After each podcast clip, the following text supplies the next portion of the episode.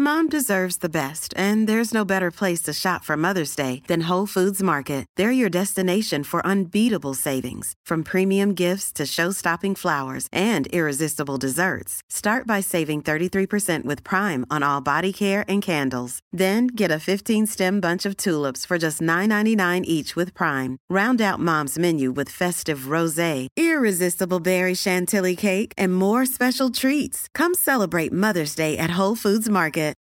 Millions of people have lost weight with personalized plans from Noom, like Evan, who can't stand salads and still lost 50 pounds. Salads, generally, for most people, are the easy button, right? For me, that wasn't an option. I never really was a salad guy. That's just not who I am. But Noom worked for me. Get your personalized plan today at Noom.com. Real Noom user compensated to provide their story. In four weeks, the typical Noom user can expect to lose one to two pounds per week. Individual results may vary. Many of us have those stubborn pounds that seem impossible to lose, no matter how good we eat or how hard we work out. My solution is PlushCare. PlushCare is a leading telehealth provider with doctors who are there for you day and night to partner with you in your weight loss journey. They can prescribe FDA-approved weight loss medications like Wagovi and Zepbound for those who qualify. Plus, they accept most insurance plans. To get started, visit plushcare.com slash weight loss. That's plushcare.com slash weight loss. Gjenklang.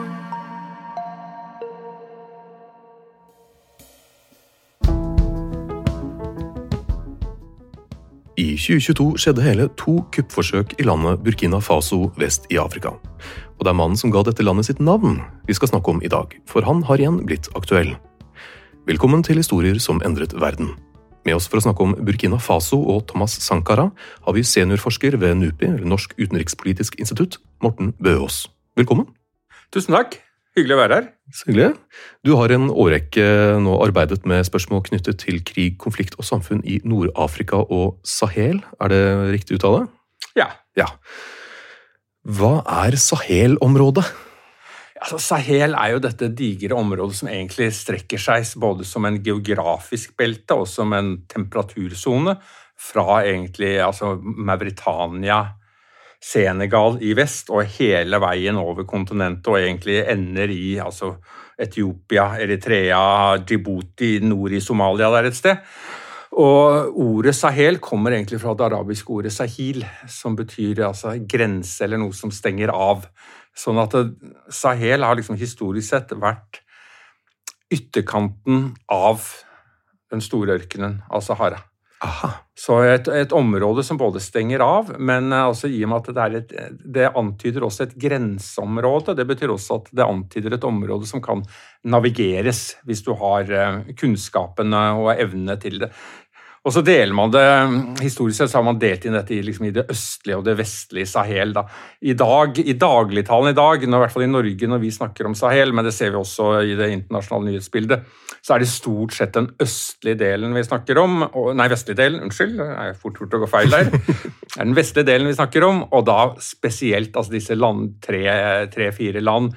Mali, Niger, Burkina Faso, og noen ganger så legger man til Mauritania og noen ganger også Tsjad. Men det er stort sett disse tre landene, altså Mali, Burkina Faso og Niger, som vi i dag omtaler som Sahel-regionen. Men historisk sett så er dette et navn som antagelig araberne satte først, når de begynte sine pilegrims- og handelsturer inn i dette området som satte dette navnet på det, som bare for å si at her er det en grense mellom liksom det, det subtropiske skogsbeltet i Afrika og det, dette ikke helt ørken, men ganske tørre området som ligger, ligger imellom, altså Sahel, Sahil-grensen. Hm.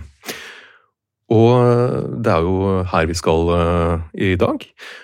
Og for å forstå nåtiden så kan det være lurt å se litt tilbake i tid. Uh, kan du ta oss tilbake til Afrika på 1960-tallet? For da er det jo en del kolonier som bryter ut? Ja, det er det. Altså det Slutten av 50-tallet, begynnelsen av 60-tallet er jo når det, altså det franske koloniimperiet uh, egentlig oppløses. Og det oppløses uh, ikke altså Det er klart at det er en folkelig motstand i disse landene som vokser fram. Det begynner å bli en uh, utdannet klasse, i hvert fall i hovedstedene, i de byene altså som Frankrike har holdt, i de landene som har vært deres kolonier. Eh, men hovedårsaken til at det avløses, oppløses på den måten det gjør, er rett og slett at Frankrike har ikke råd til dette lenger. Det koster for mye penger. Altså Inntektene fra koloniene veier ikke lenger opp for utgiftene ved å ha det. Eh, det er den enkle forklaringen på hvorfor dette oppløses på den måten. Men samtidig prøver Frankrike å oppløse det på en sånn måte at de skal beholde en del både politisk kontroll og økonomisk innflytelse i disse landene. Et av disse landene som eh, nå får sin uavhengighet, er jo da det som i dag er Burkina Faso, men som den gangen het Øvre Volta. Og det, landet, det navnet fikk de faktisk først og fremst for at det var en provins i en annen afrikansk koloni, nemlig eh, det landet vi i dag kjenner som Elfenbenskysten, eller som det egentlig som vel også er den eh, korrekte norske betegnelsen i dag, Cote d'Ivoire, altså det franske navnet. Mm. Og franskmennene var nok ikke så veldig interessert i Øvre Volta som en koloni, altså som en koloni hvor de skulle gjøre mye. Som så mange andre kolonier som både franskmenn og britene skaffet seg, så var en av de viktigste grunnene til å skaffe seg dem, var at den ikke den andre parten skulle ta dem. Rett og slett. Altså denne, det var en, det var, altså på 1800-tallet, begynnelsen av 1900-tallet, så var jo dette datidens geopolitiske rivalisering mellom England og Frankrike. Og, eh, så franskmennene fikk, tok dette området her, og tenkte vel som så at dette kan vi styre fra det som var en av juvelene i det franske Afrika-imperiet. Det var egentlig to juveler, altså det var Senegal og det var Elfenbenskysten. Og dette skulle da styres fra hovedstaden i Elfenbenskysten, altså Abidjan. Og det man så for seg, var at eh, Elfenbenskysten skulle bli en, altså en fransk settlerkoloni. Altså her skulle det bosettes mange franskmenn, og man skulle drive med jordbruk og plantasjejordbruk.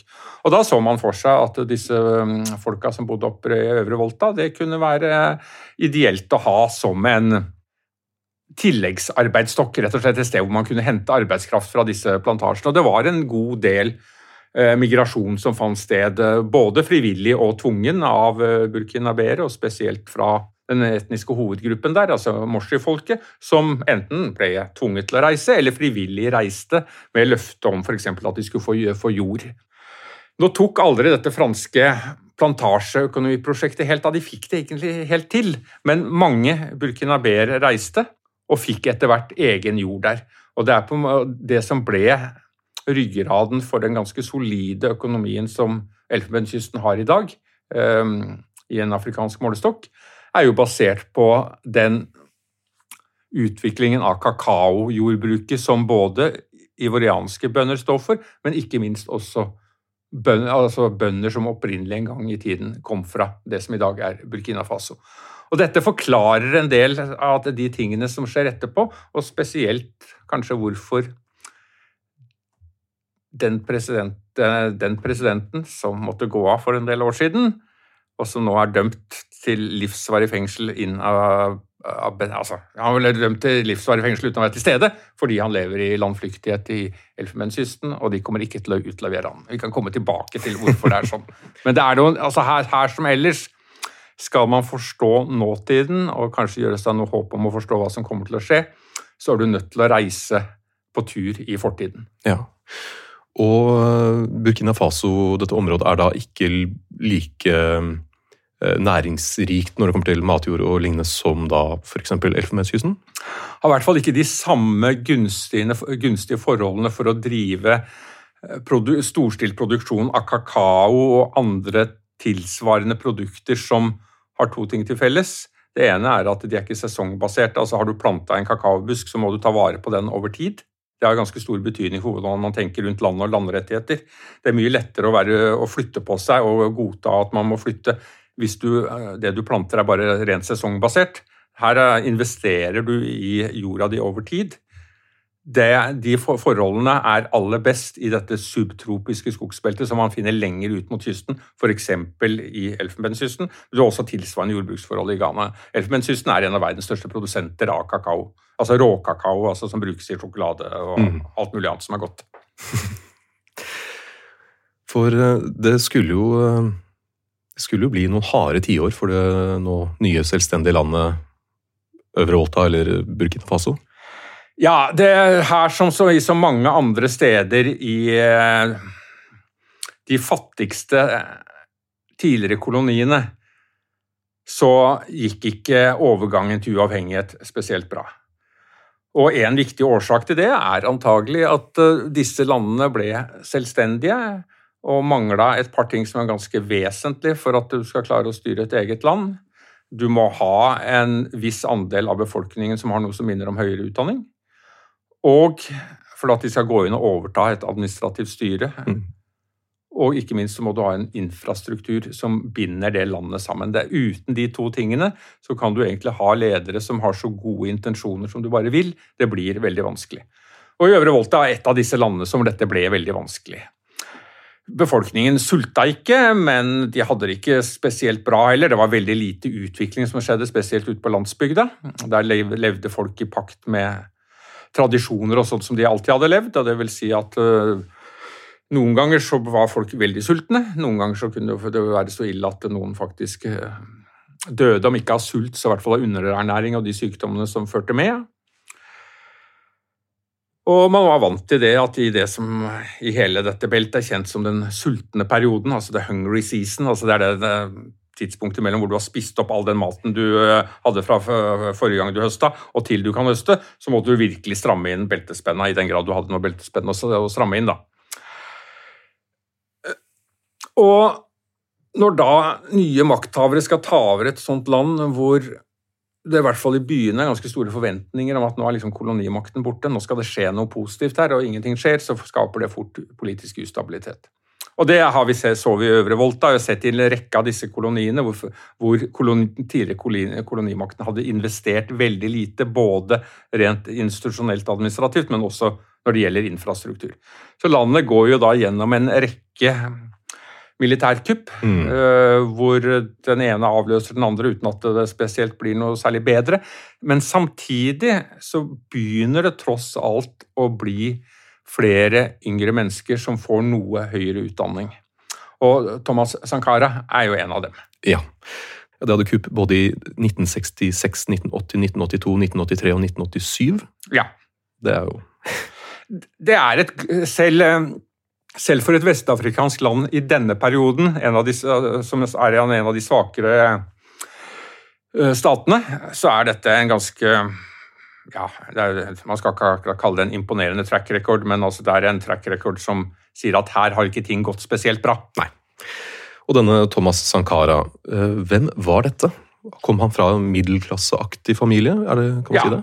Altså, I den grad man kan snakke om en middelklassefamilie, i og med at han ikke kom fra en av altså fra hovedstaden eh, så er han fra en middelklassefamilie.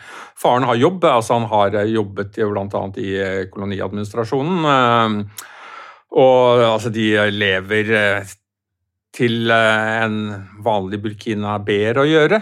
Eh, la oss bruke det navnet på dem. Eh, en øvre voltarianer høres litt rart ut. Helt enig. Så la oss kalle de, eh, selv om de ikke var Burkina Faso på den altså til en vanlig Burkina Bere å være, så, så, så, levde de relativt bra. Altså Faren hadde en sikker inntekt. Thomas blir sendt på skole, gjør det, gjør det bra. Så bra at han også blir altså, lokale prester og blir oppmerksomme på han og foreslår til eh, foreldrene, og antagelig til faren, at eh, Thomas bør eh, bli sendt til altså teologisk utdannelse, han bør bli prest. Noe som nok den godeste Thomas ikke har lyst til. Han går helt den andre veien, faktisk. Han går den andre veien og bestemmer seg for at det han skal prøve på, er en militær karriere. Og på denne tiden sant, så begynner det å skje noe blant de yngre soldatene. De begynner å bli interessert i ikke bare en militærutdanning, men i politikk. Mm. Så han treffer da folk som begynner å fortelle han om andre typer politisk teori. ikke sant? Så han blir interessert i Marx og Lenin, mm. som er liksom de store tingene på denne tida. ikke sant? Husk på, Han er jo født i 1949. ikke sant? Så han, han, blir jo Som en ung mann så er jo han levende, lever han på den tida hvor dette er veien å gå hvis du skal eh, yte motstand, mm. tenke alternativt, alternative livsprosjekter, alternative politiske prosjekter. Dette er jo lenge før eh, liksom, kommunisme som et uh, politisk system og som et styringssystem blir ganske diskreditert etter uh, Sovjetunionens fall osv. Så, videre. så dette er den veien han begynner å gå. Han treffer en um, på eh, sine første militærstudier så treffer han særlig en lærer som ser sitt snitt også til å altså Han skal egentlig undervise elevene litt i samfunnsfag, men som ser sitt snitt også til å lure inn på ikke på det offisielle pensumet, for da hadde han fått sparken, men i forelesningene lure inn tanker fra Marx og Lenin og begynner å låne ut bøker osv. Så, videre. så det, det, blir altså en klikk av yngre soldater som senere blir yngre offiserer. Som er inspirert av marxist-leninisme, og som danner sine egne både studiesirkler, men også etter hvert politiske sirkler, hvor disse begynner å diskutere hva er som er gærent med landet vårt? Hvorfor er tingene som det er? Har vi en historisk rolle til å endre på dette her? Og en av disse en, ble jo en god venn av Sankara. Hvem var det? Jeg tipper at du her tenker på Blaise Camparore, som ja. uh, var uh, Ja, de var nære. Altså, så vidt alle historiene fra denne tiden indikerer at disse var eh, både politisk allierte, men også gode, nære, personlige venner. Og de, eh, etter hvert som eh, tiden går og det ene styret avløser det andre, så begynner disse to sammen med andre yngre offiserer å konspirere for å se om de kan, rett og slett kan ta over makten. Nå blir de også etter hvert de kommer høyere opp i det militære systemet. Og det er jo ikke sånn at Thomas Sankara er en helt novise når han gjennomfører militærkupp og tar over makten. Han har faktisk sittet allerede et år som minister. Sånn at han er ikke helt sånn at han kommer helt utenifra, men han er inspirert av andre ideer. Altså, det er, det er Marx, det er Lenin, men de er også veldig inspirert av Jerry Rawlings i, i Ghana, som har gjennomført to militærkupp og blir sittende som president etter 81. Og Tilbake til denne ministerposten, for han var da informasjonsminister. Mm. Men så ble han eh, litt uh, upopulær fordi han var litt, delte for mye informasjon? Ja, altså, de syntes han var for frittalende, rett og slett. Altså, han delte altså, her uh, hvis du er eh, informasjonsminister i et sånt eh, regime som det han satt i, så er det klart at eh, du skal styre og kontrollere informasjon, du skal ikke slippe den fritt fram. Og han sa for mye. Han godtok litt for mye kritikk, og ikke minst altså den type kritikk som han selv var sympatisk til. Altså venstreorientert kritikk. Mm. Og da kom han på kant med, med den sittende presidenten, rett og slett. Og så eh, blir det et kupp hvor han eh, blir innsatt som statsminister. Ja. Men ikke så lenge. Nei, ikke så lenge. Han blir ikke sittende der så lenge, nei. Hvor han da blir i hele fire måneder, hvor han da blir, ender i fengsel. Ja. Som var en veldig dårlig idé, for da blir det et kupp igjen. Da blir det kupp igjen. Og nå er han da president. Nå er han president. At, eh, og dette er jo veldig sånn tilsvarende nesten altså historien om Jerry Rawlings, altså, som også går først et kupp, så trekker seg, får problemer, um, og så et nytt kupp. Så det er ganske likt det som har skjedd andre steder. Og det, det, bygger jo også opp under denne, den myten som både blir skapt rundt han, men som han nok også bidrar ganske sterkt til selv. Det at han, han prøvde, han sa fra han var den som prøvde å gjøre endringer. Hva gjør de gamle makthaverne? Jo, de fjerner han, de putter han i fengsel. Da har han ikke noe annet valg. Altså, de, må, de, yngre offiserene må slå tilbake og, og, og, ta over. Og det er jo det som skjer her. Og i hvert fall i eh, den store byen, altså Vagadogo, hovedstaden, så er det nok all mulig grunn til å tro at dette altså kuppet til Sankara ble godt mottatt. Og spesielt blant de unge, for han hadde allerede skaffet seg et image og var mm. kjent på gatene. Altså Han gjorde ting som de ikke hadde sett andre, verken andre offiserer eller ikke minst en minister gjøre før. Han sykla til jobb. altså Det var helt uhørt. De andre kjørte jo i eh, svære svarte biler, Mercedeser. Eh, Thomas Sankara sykla til jobb. Eh, han spilte gitar, han spilte i et band. Eh, han eh, drev og trente på gata, altså han løp på gata i bare vanlige treningsklær eller hva han nå hadde på seg. Sånn at han hadde jo allerede liksom skaffet seg et fotfeste, spesielt blant ungdommen i Wagadugu, og antagelig også blant eldre generasjoner som så på han som en vanlig fyr som kanskje kunne bidra og gjøre noe annet enn alle disse andre som hadde gjort kupp før han. Ikke sant? Og han signaliserte jo også ved dette kuppet med en gang altså en veldig sånn en nyorientering. Ja. Og en del av denne mytebyggingen kom jo da med at han ble kalt Afrikas Che Guevara. Ja, og det var jo liksom igjen altså Først og fremst på grunn av Ikke fordi at han drev noe geriljakrig. Eh, altså det, det er en krig her litt seinere hvor de havner i en krig med, med, Mali, og den går egentlig ikke så veldig bra for eh, den burkinabeske hæren. Så denne mytebyggingen om han som Afrikas Che Guevara er én, altså dette fengsel, kupp, og ikke minst den retorikken han sto for. Altså, han var en god retoriker. Eh, han var flink til å fange massen, og spesielt de unge. Og spesielt de som allerede hadde hørt litt om, om Marx, om Lenin, om uh, revolusjon. Ikke? At det var en revolusjonsromantikk mm. uh, her. Og Sånn sett så passet han inn i et bilde, ikke sant? og her bidro nok også altså, venstresida i, i Frankrike. Men igjen også det at han var om dette var ren mytebygging fra hans side, det at han sykla til jobb, at han uh, løp og, og, trente på gata, at han var ute og spilte gitar på vanlige, uh, altså, vanlige musikksteder hvor vanlige folk hadde råd til å gå og høre på. Om han gjorde det fordi at han likte det? Ville det? Eller om det var en mytebygging? Det vet vi ikke, men Nei. vi kan jo la han komme tvilen til gode ja. og si at uh, dette var sånn han var. Hva var målet hans når han først ble president?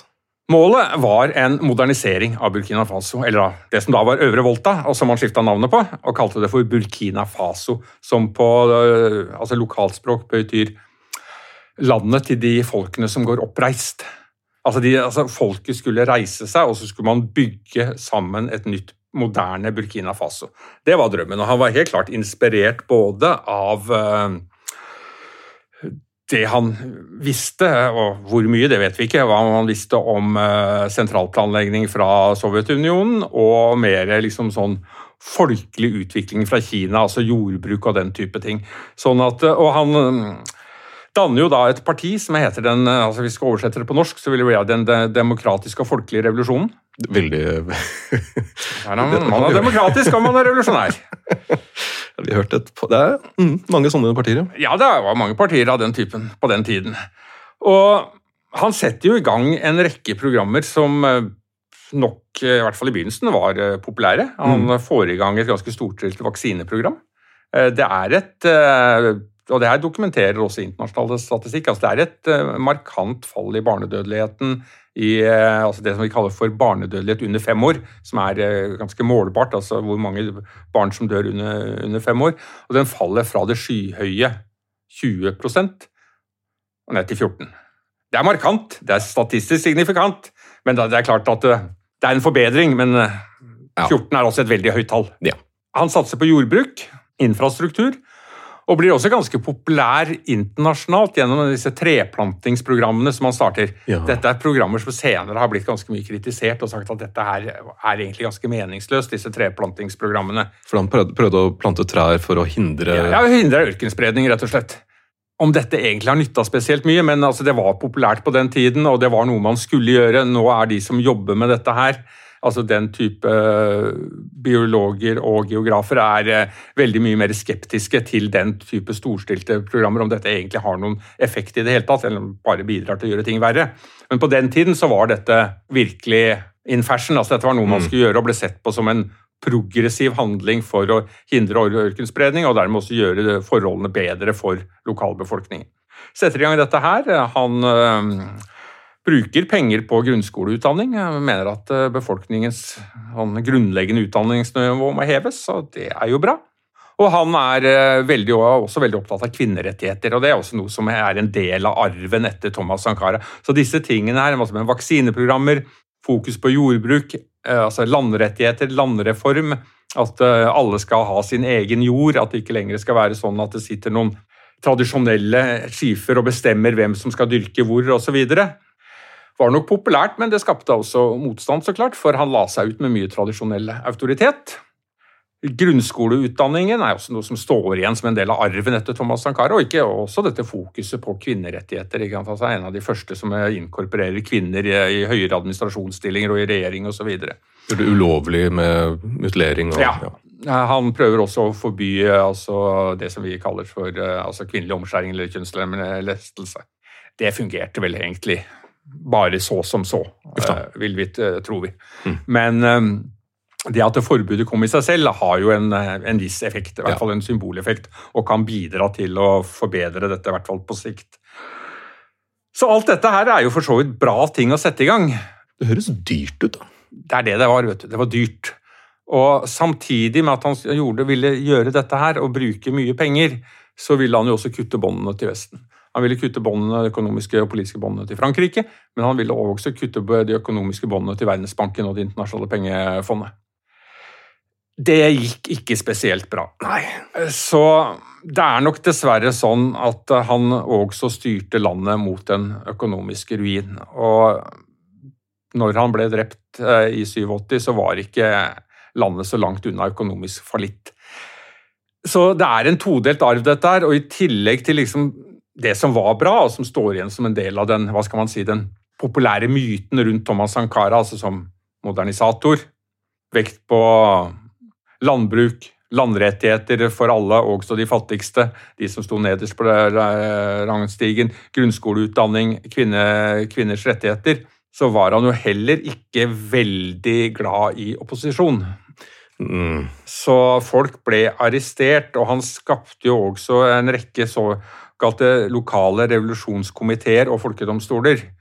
Og disse folkedomstolene det er mulig de var, fungerte bedre i begynnelsen, men etter hvert så ble de brukt til mye forskjellig. De ble brukt eh, for å hindre politisk opposisjon, men de ble også brukt mellom ulike lo lokalsamfunn for å ja, hevne gammelt nag, ta, ut, uh, ta igjen for ting som hadde skjedd i fortiden osv. Så, videre, så ble det også et ganske utbredt misbruk av disse folkedomstolene. Sånn at uh, det som står igjen her, er et veldig blanda arv, for å si det på den måten. Ja. Noe positivt, noe negativt. Og så er det helt umulig å si hvor hadde dette gått henne hvis han hadde fått leve.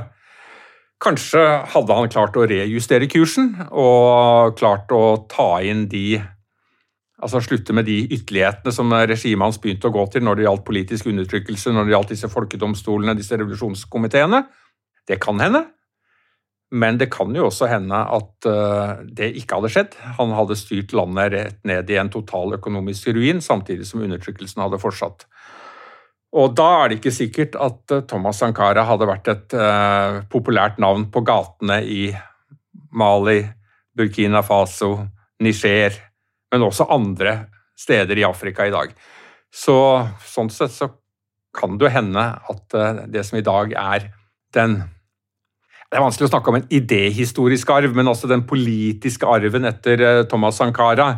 Eh, det, det bildet som han fortsatt kastes av Thomas Sankara framover i tid, mm. til han i dag er liksom en som det ropes på på gaten i Bamako når det er protester mot Frankrike, mot FN, mot Vesten, mot EU. Kan hende at det er faktisk avhengig av at han ble drept i dette tragiske attentatet. Det er litt stygt å si, men det er nok en del av det. Myten Thomas Sankara hadde kanskje ikke vært like sterk hvis det ikke vært for det at han døde, ble drept, før man helt så hvor dette eksperimentet han hadde satt i gang i Burkina Faso, ville ende. Millions of people have lost weight with personalized plans from Noom, like Evan, who can't stand salads and still lost 50 pounds. Salads generally for most people are the easy button, right? For me, that wasn't an option. I never really was a salad guy. That's just not who I am. But Noom worked for me. Get your personalized plan today at Noom.com. Real Noom user compensated to provide their story. In four weeks, the typical Noom user can expect to lose one to two pounds per week. Individual results may vary. Life is full of what ifs. Some awesome, like what if AI could fold your laundry? And some, well, less awesome, like what if you have unexpected medical costs? United Healthcare can help get you covered with Health Protector Guard fixed indemnity insurance plans. They supplement your primary plan to help you manage out of pocket costs. No deductibles, no enrollment periods, and especially no more what ifs. Visit uh1.com to find the Health Protector Guard plan for you. This is Paige, the co host of Giggly Squad, and I want to tell you about a company that I've been loving Olive and June. Olive and June gives you everything that you need for a salon quality manicure in one box. And if you break it down, it really comes out to $2 a manicure, which is absolutely insane. It's also so easy to get salon worthy nails at home with Olive and June. The difference between how your nails used to look when you did them yourself and now with the Manny system is a complete game changer. The best thing about Olive and June too is it's a quick dry. Dries in about one minute, lasts for five days, and full coverage in up to one to two coats. Visit oliveandjune.com slash perfectmanny20 for 20% off your first system. That's oliveandjune.com slash perfectmanny20 for 20% off your first system.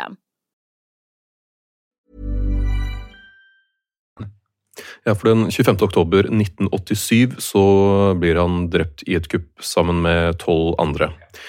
Og det er jo da hans tidligere høyrehånd, Compaore. Compaore. Ja, Compaore. Og han tar jo da over. Ja, det gjør han. Og, og skal sitte ved makten i mange år. Det gjør han. Hvordan styres eh, landet under han? Ja, altså det blir jo en U-turn. Det er fortsatt Nå har det vært en rettssak, og vi vet noe mer om hva som skjedde den dagen, men fortsatt så er det uklart hva som skjedde. Det er to historier, egentlig. Det ene er at dette var planlagt fra Compaore sin side. Han og andre hadde bestemt seg for at uh, nå vil vi ta over, dette går ikke lenger. Mm. Om det var fordi de rett og slett bare ville ha makten sjøl, eller fordi de var redd for at han var i ferd med å kjøre landet ut i en økonomisk ruin, det får vi kanskje aldri svar på. Uansett så er det jo ikke den måten man skal ta over makten på, å drepe sin, beste, sin tidligere beste venn. Nei. Mens da Blaise selv hevder at uh, han hadde sendt noen øh, av sine menn til dette møtet, for det var et møte uh, i uh, Sankara sitt hus. Og at det var Thomas Sankara sine menn som startet å skyte på dem. Jeg har ikke helt troa på det, for det gikk veldig smerte, veldig hurtig at uh, plutselig var Blaise Compaorore president. Så det, dette var nok planlagt. Så får det være en gåte liksom, hva intensjonen var. Var det rett og slett rent maktbegjær, eller var det en politisk uenighet om kurs som lå bak, hvor uh, han følte at han ikke hadde noe at det eneste valget var rett og slett å Ja. plante en kule i uh, Thomas Sankara. Men det Blaise eh, Compaore foretar, er en U-turn. Altså Rett etter at han kommer tilbake til eh, han blir president, så prøver han å gjenopprette forholdene til den tradisjonelle autoriteten i, landet, altså disse tidligere høvdingene som har styrt rundt omkring, og spesielt altså den øverste høvdingautoriteten til eh, Moshi-folket, som er den mest folkerike gruppa. Og De hadde begynt å bli ganske sure på Thomas Sankara, for han hadde lagt ned deres tradisjonelle institusjoner. For han ville jo ikke ha dette her, for dette passet jo ikke inn i et marxist-leninistisk bilde, at det skulle være sterke, tradisjonelle, som han så på som føydale institusjoner, som skulle sitte og styre over folk. Men dette hadde vært, etter hvert begynt å bli ganske upopulært, så det hadde, det hadde nok murra litt i ulike kretser i landet, sånn at eh, det blir jo ikke noe sånn voldsomt oppløp når dette her skjer. Det går egentlig, sett med Blaise Compaore sine øyne, antagelig ganske smertefritt. Han tar over makten. Han øh, prøver å gjenopprette forholdene til å gjenopprette disse tradisjonelle institusjonene. Sier at de, skal få lov til å, de må jo få lov til å øh, virke. Dette er jo en del av vår historiske arv osv. Mm. Eh, Samtidig som han veldig kjapt tar telefoner både til Paris til, og til Washington, hvor han eh, kontakter både Verdensbanken og Pengefondet og sier at eh, nå er det en ny kost som styrer her, så nå er dere hjertelig velkommen tilbake. I tillegg så bygger han opp et ganske altså, eh, Sammen med noen kolleger har vi skrevet en, skrevet en artikkel om denne perioden hvor vi kaller dette for en, altså, et av de beste eksemplene på en afrikansk dypstat. Altså, okay. han, han bygger opp en en ting er liksom altså, hans formelle parti og så videre og den type ting, og de formelle institusjonene. Han bygger også opp en dypstat eh, hvor han kobler på mange måter det sikkerhetsapparatet han bygger opp, altså eh, sikkerhetstjeneste, som kobles opp mot tradisjonelle, altså disse tradisjonelle autoritetene som han gjenoppretter. Mm. Og sånn sett så klarer han egentlig hele denne perioden han sitter ved makten, til folk til slutt får nok og kaster han, så klarer han å holde landet stabilt. Han eh, blir en viktig aktør i det vestafrikanske diplomatiet. omstridt, men også altså fordi at det går jo rykter om at han har støtta alt fra altså, krigsherren Charles Taylor i Liberia til at han var involvert med en hel haug av shady deals. Okay. Men samtidig så blir han en som folk kommer til som en fredsmegler. Okay. Så han er, blir en viktig del av det vestafrikanske diplomatiet rundt å finne løsninger, involvert i fredsforhandlinger i, eh, når det gjelder borgerkrigen i Liberia, i Sierra Leone. Samtidig så går ryktene om at han har nære, hatt nære både politiske og økonomiske forhold både til Charles Taylor og ledende og Fodai Sanko, altså opprørslederen i Sierra Leone, at han har fått bytta diamanter med våpen med de og sånt noe. Så det er mye shady her, men samtidig så liksom blir han en sånn skikkelse som han er nødt til som omverdenen er nødt til å forholde seg til. Og han blir på mange måter, selv om han innimellom har sine altså Det er noen krangler med han og Paris, og sånt, og så er han liksom en av, en av gutta sånn sett. Ikke? At han holder landet, styrer det tilbake i den vestlige folden på mange måter.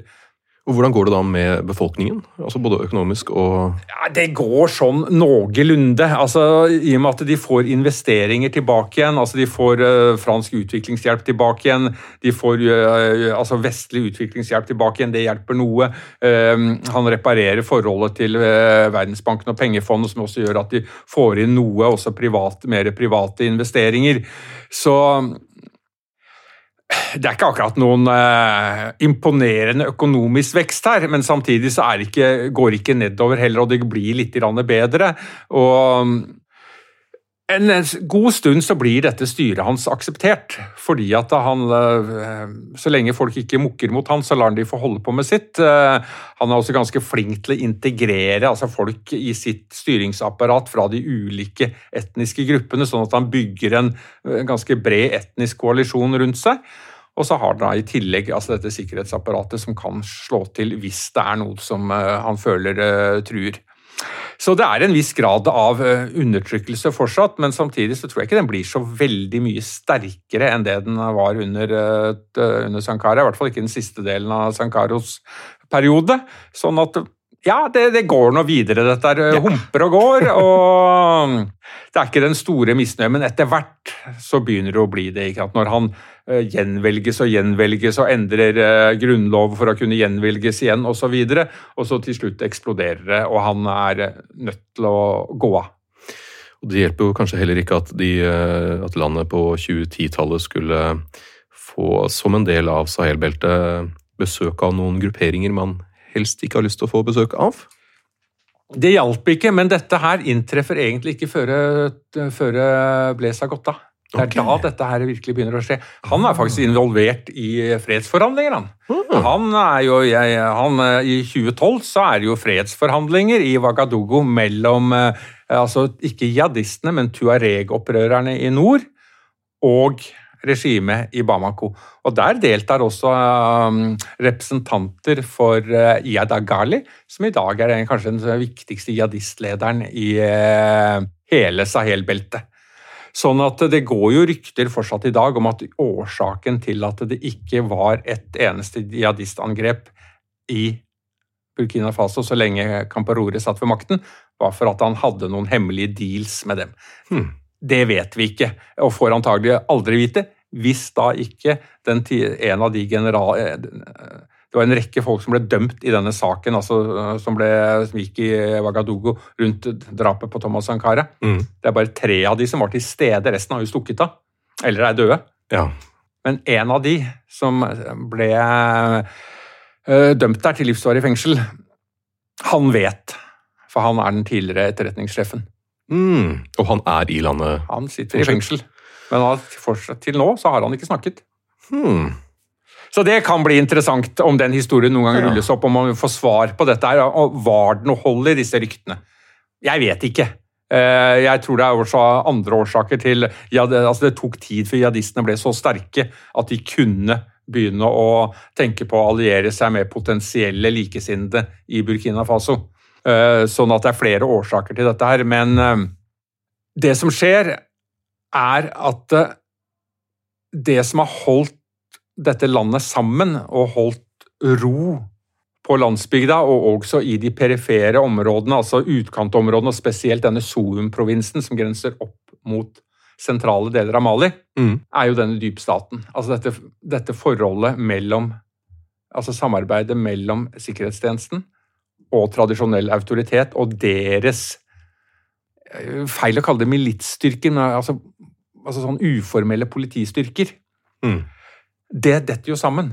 Fordi at eh, når de nye eh, demokratiske makthaverne tar over, de er jo livredd for dette her. ikke sant? For de ser jo på dette her, dette er jo Camperores folk. Mm. De er jo livredd for at, det skal bli et, eh, at de skal stå bak et motkupp. Og det er jo også et forsøk på et motkupp her.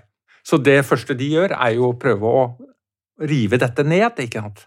Så de river dette ned uten at de klarer å eksistere og og bytte det ut med noe nytt. Så det, hva skaper dette her? Altså Hvis du river ned noe sånt nå Akkurat det samme som eh, amerikanerne gjorde i Irak når de skulle debatifisere den irakiske staten. Mm. Da skaper du et sikkerhetsvakuum. Ja. Og det vakuumet har jihadistene brukt til fullt med hånd, sånn at nå så har de egentlig De er til stede i veldig store deler av landet, også sør for Wagadugu. De har foreløpig bare gått rundt eh, hovedstaden Wagadugu. De er nå så langt nede at de er kryssa inn i den nordlige deler av Ghana og Benin. Er det åpen krig der nå, eller mellom de ulike partene? Ja, det kan du trygt si der. Altså, Burkina Faso er i en Det har gått veldig fort, og det er eh, borgerkrigslignende tilstander i store deler av landet. Nå i, eh, i fjor, nå er vi i 2023, eh, i fjor i 2022 så var det først et forsøk på et kupp, og så ble det et kupp. Ja, det var egentlig to kupp. Det var to kupp. Det var to okay. kupp. Ja, altså Først så er det en eh, litt eldre offiser som tar over. eh, altså Sier at dette går ikke lenger. altså De eh, demokratisk valgte presidenten Mark Roch han har mista helt kontrollen på dette. her. Ikke en helt øh, usann analyse, egentlig. Han hadde mista kontrollen på det. Så han sier at nå må jeg ta over. Du får bare tre til side. Det er, ganske, det er, ikke, det er et helt ublodig kupp, dette her. Mm. Og så skal jeg ordne dette her, for dette her kan jeg. Jeg har til og med skrevet en bok om det, sier han. Han har skrevet en bok om uh, counterinsurgency, altså hvordan du skal liksom slå ned opprørsbevegelser. Oh, ja, okay.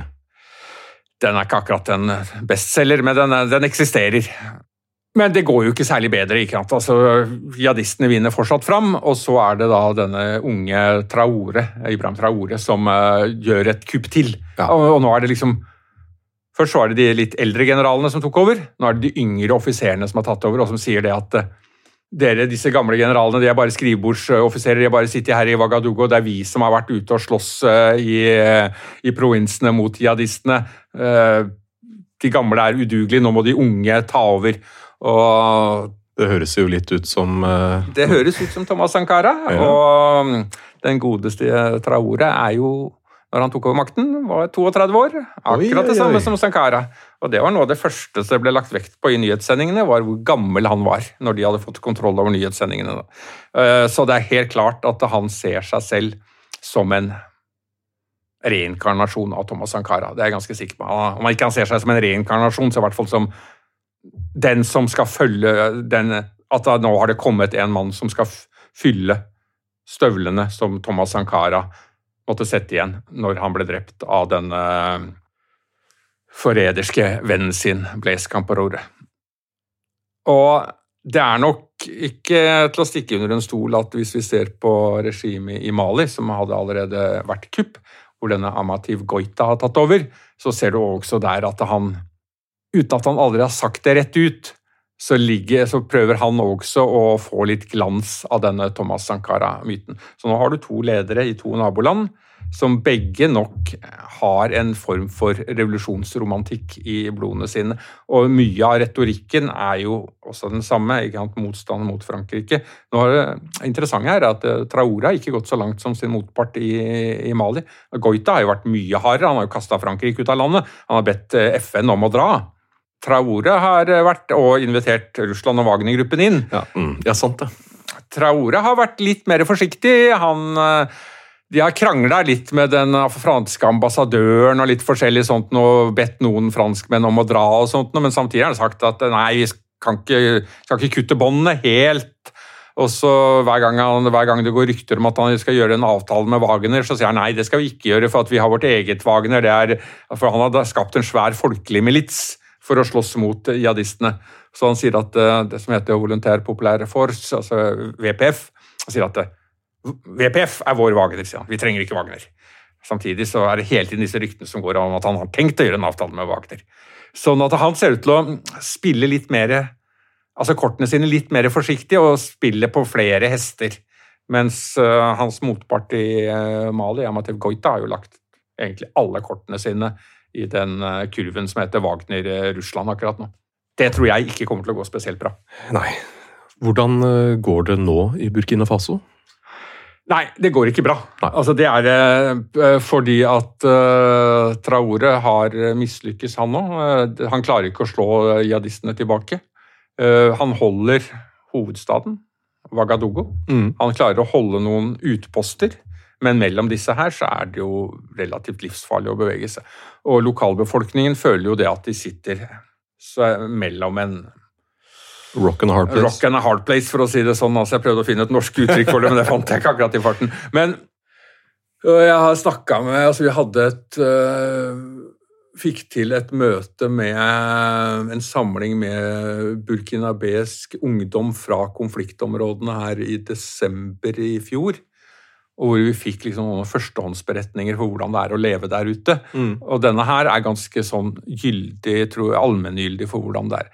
Altså dette er ovenifra denne Zoom-provinsen et sted som ligger da på må grense mot Mali.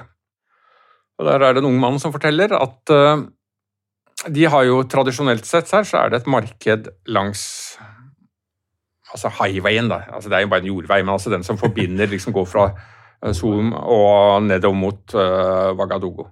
Der er det marked. Så kommer hæren og sier det at dette markedet her skal dere legge ned fordi at vi har mistanke om at jihadistene oppsøker dette markedet og kjøper forsyninger. Så sier folk at nei, det vil vi jo ikke, for uh, da tjener jo ingen penger lenger. Vi må jo ha et sted å selge varene våre hvor det faktisk er noen som beveger seg. Mm -hmm. Så sier herren at nei, det skal legges ned, og så brenner de ned noen markedsboder og jager folk hjem. Så går det tre dager, og så kommer og så har jo den, disse representantene og så har jo hæren dratt sin vei. Så kommer jihadistene og sier at uh, hvor i helvete er markedet? Vi vil ha det markedet, det skal være der, for det er der, vi, der kan vi kjøpe. Vi vil, vi vil, ikke gå inn i byen og handle av dere, så vi vil ha markedet opp igjen. Så da ser jo ikke folk noe annen råd enn å eh, reetablere dette markedet langs denne veien. Og så kommer jo hæren tilbake og skal ha dette bort igjen. Og så kommer jihadistene. Og sånn, eh, og sånn lever folk. ikke sant? Altså, de lever i en situasjon hvor ingen har egentlig helt full kontroll, men jihadistene er mer til stede enn det hæren er. Og Det betyr at folk sitter og navigerer en forferdelig vanskelig virkelighet, hvor de må, til enhver tid må prøve å forholde seg til den væpna aktøren som står i byen deres akkurat der og da. For de vet at det her må de håndtere med ekstrem varsomhet. For hvis de går for, for lang For at både hæren og jihadistene har jo også sine spioner eh, som de ikke helt vet hvem er blant lokalbefolkningen, som da vil si at ok, han der Mr. Cissé der, han snakka altfor mye med uh, han offiseren fra den uh, bataljonen som var innom her. Da kommer jihadisten og lurer på hva i helvete er det du driver og snakker med den om, og hvis de mistenker at han har gitt opplysninger, kan han risikere å bli drept. Og vice versa. ikke sant? Så mm. de er i en utrolig vanskelig situasjon. Og dette gjør seg gjeldende egentlig over ganske store deler av, av landet nå. Så Burkina Faso er oppe i en enorm krise som det egentlig er veldig vanskelig å se hvordan de skal komme ut av, i hvert fall på kort og mellomlang sikt. Også fordi at mens man i Mali i hvert fall er en mulighet for at man kanskje kan forhandle. For at de sterke, Der er det et par sterke ledere. Så har dette skjedd så fort i tilfelle Burkina Faso. Jeg holder jo på med dette nesten på en daglig basis, men det er veldig vanskelig å se hvem er de ledende jihadistene i Burkina Faso som man eventuelt kan ha samtaler med. Kan FN eh, ha en tilstedeværelse i landet? De har ikke blitt kasta helt ut? Nei, FN er ikke kasta helt ut. ikke sånn. Altså, i, Mali har jo, I Mali har man jo bedt den store fredsbevarende FN-operasjonen MINUSMA, som telte 12 000 mann, om å forlate landet. Og den er på vei ut nå. Eh, antagelig rundt juletider så er hele FN-misjonen ute av Mali. Man kunne jo tenke seg at man kunne flytte liksom MINUSMA til Burkina Faso. Det ene er at jeg tror ikke den nåværende militære ledelsen vil si ja til det. Samtidig så tror jeg vi må innse at eh, den historiske epoken for disse storstilte FN, FNs fredsbevarende operasjoner, som vi har nå sett i Mali med 12 000 mann, som vi hadde i Liberia under borgerkrigen der med 10 000 mann, som vi hadde i Sierra Leone med en 8000-9000 mann, som vi fortsatt har i Kongo med 12 000-15 000 mann, den er over. Afrika ble det kontinentet hvor eh, FNs ambisjoner om storstilte fredsbevarende operasjoner dro for å dø, dessverre. Hva tror du fremtiden bringer for Burkina Faso? Det er veldig vanskelig å si. Eh, jeg har eh, nå et par steder jeg ikke, foreløpig ikke det skriftlig, men på en foredrag og internasjonale konferanser satt fram en hypotese om at vi kan begynne å se konturene av en ny type stat som vi ikke har sett på en stund i denne delen av verden, og det er det jeg kaller for en garnisonsstat. Det er en stat som ved hjelp av egne krefter og, og eventuelt en ekstern støttespiller klarer å holde hovedstaden, altså hovedfortet, selve garnisonen, og så, klarer, og så, holder den noen utposter som er strategisk viktige, enten fordi det er strategisk viktige for å hindre et storstilt angrep på hovedgarnisonen, eller fordi det er viktige økonomiske ressurser rundt disse eh, utpostene, som både regimet trenger, men også som den eksterne støttespilleren er interessert i. Det kan være en ekstern støttespiller som Russland. Det er det i tilfelle Mali. Mm. Eh, det er ikke det så klart ennå i tilfelle Burkina Faso, eh, men vi ser jo også at relasjonene mellom Mali og Burkina Faso er tettere og tettere.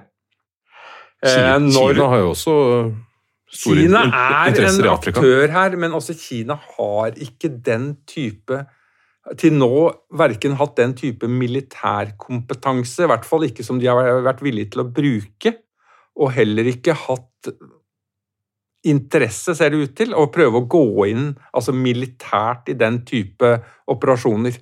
Uh, og verken i Kina eller Nei, verken i Mali eller eh, Burkina Faso så har Kina betydelige økonomiske interesser heller. De har det i Niger, mm. og det blir interessant å se hvordan de agerer i tilfelle Niger med kuppet der, hvor de har betydelige interesser i olje- og gassektoren i, eh, i Niger. Men eh, altså, olje- og gassektoren i Niger er veldig viktig for Niger og det nigerske regimet. I det store kinesiske regnskapet så er ikke det de får derfra, veldig viktig. Det, det betyr ikke at de har lyst til å miste det, men så Kina ser ikke, foreløpig ikke ut til å ha lyst til å prøve å spille den type rolle som Russland har gått etter her. For altså, Russland under Putin har jo bevisst gått etter det vi kan kalle for nisjesikkerhetsmarkeder. Altså, Russland kan ikke erstatte EU og Europa som en donor, som en handelspartner på noen som helst måte, men det de kan gjøre, er å gå inn i den type nisjemarkeder hvor vi av ulike grunner enten blir kasta ut, eller finner at disse regimene er så problematiske at vi ikke orker å stå i det, ikke orker å være der. Der har jo Russland rykka inn med Wagner-gruppen som en spydspiss. Men det gjenstår å se. altså Hadde vi satt oss i en Nå er det russiske flagg som eh, det viftes med på gatene i eh, Burkina Faso, i hvert fall i Wagadugo. Hva det viftes med utenfor Wagadugo, det vet vi ikke så mye om. Jeg tror ikke det er så mye, egentlig. Eh, kanskje der hvor jihadistene har mest innflytelse, er det vel de svarte flaggene de viftes, viftes med, for folk har ikke noe annet valg. Mm. Men hadde vi satt oss i en tidsmaskin, du og jeg, og reist tilbake til 2013, altså når Frankrike akkurat har intervenert i Mali, så er det jo franske flagget det ble vifta med. Frankrike var jo kjempepopulære. Altså, alt fra barn til esler fikk jo navnet Alain Hollande etter presidenten. Ja, og det var ikke som et, og det var eh, for å ære han. Ikke? Han var kjempepopulær. Han eh, dro jo til Mali i 2013, møtte en jublende folkemengde. Eh, det, det var samme liksom, eufori rundt i, i Niger og i Burkina Faso. Hva er det som går gærent? Jo, det går gærent at Frankrike klarer ikke å levere. De trodde jo det at når Frankrike intervenerte i 2013 med Operasjon Serval, så skulle de slå jihadistene tilbake. Skulle ta kverken på dem. De skulle rydde opp i dette her, og også få tvinge tuaregene til en avtale, sånn at det, man gjenopprettet full territoriell integritet over den maliske staten. Fast forward ti år, så har det gått den stikk motsatte veien. Har, altså, Frankrike, Vesten, EU, FN har mislykkes totalt. Det er det som har gjort at eh, det nå veives med russiske flagg. Kan Russland levere på det som Frankrike mislykkes på, som EU har mislykkes på, som e- FN har mislykkes på? Det er høyst tvilsomt. Så hvilke flagg det viftes med på disse gatene om ti år. Ti, ti år det er høyst usikkert, men jeg er veldig i tvil at det er russiske flagg det viftes med fortsatt. Da er det egentlig bare å takke deg, Morten Bøås, for å ha gitt oss et eh, lite innblikk i dette landet Burkina Faso-området. Jo, takk. Og det var interessant og hyggelig å prate med deg, så dette var morsomt. det. Det er så bra. Og hvis du har lyst til å høre mer om eh, norsk historie, så er det bare å sjekke ut Historier som endret Norge, for å høre om eh, alt fra vikinger til eh, historien om DBS eller Solo. På gjenhør.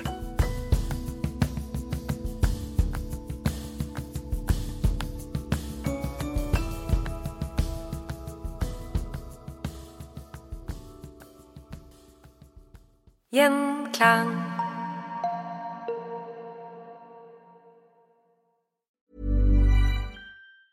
Planning for your next trip?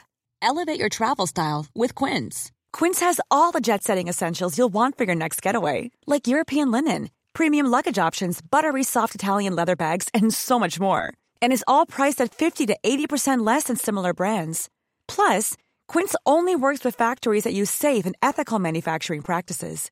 Pack your bags with high-quality essentials you'll be wearing for vacations to come with Quince. Go to quince.com slash pack for free shipping and 365-day returns. Mom deserves the best, and there's no better place to shop for Mother's Day than Whole Foods Market. They're your destination for unbeatable savings, from premium gifts to show-stopping flowers and irresistible desserts. Start by saving 33% with Prime on all body care and candles. Then get a 15-stem bunch of tulips for just $9.99 each with Prime. Round out Mom's menu with festive rosé, irresistible berry chantilly cake, and more special treats. Come celebrate Mother's Day at Whole Foods Market.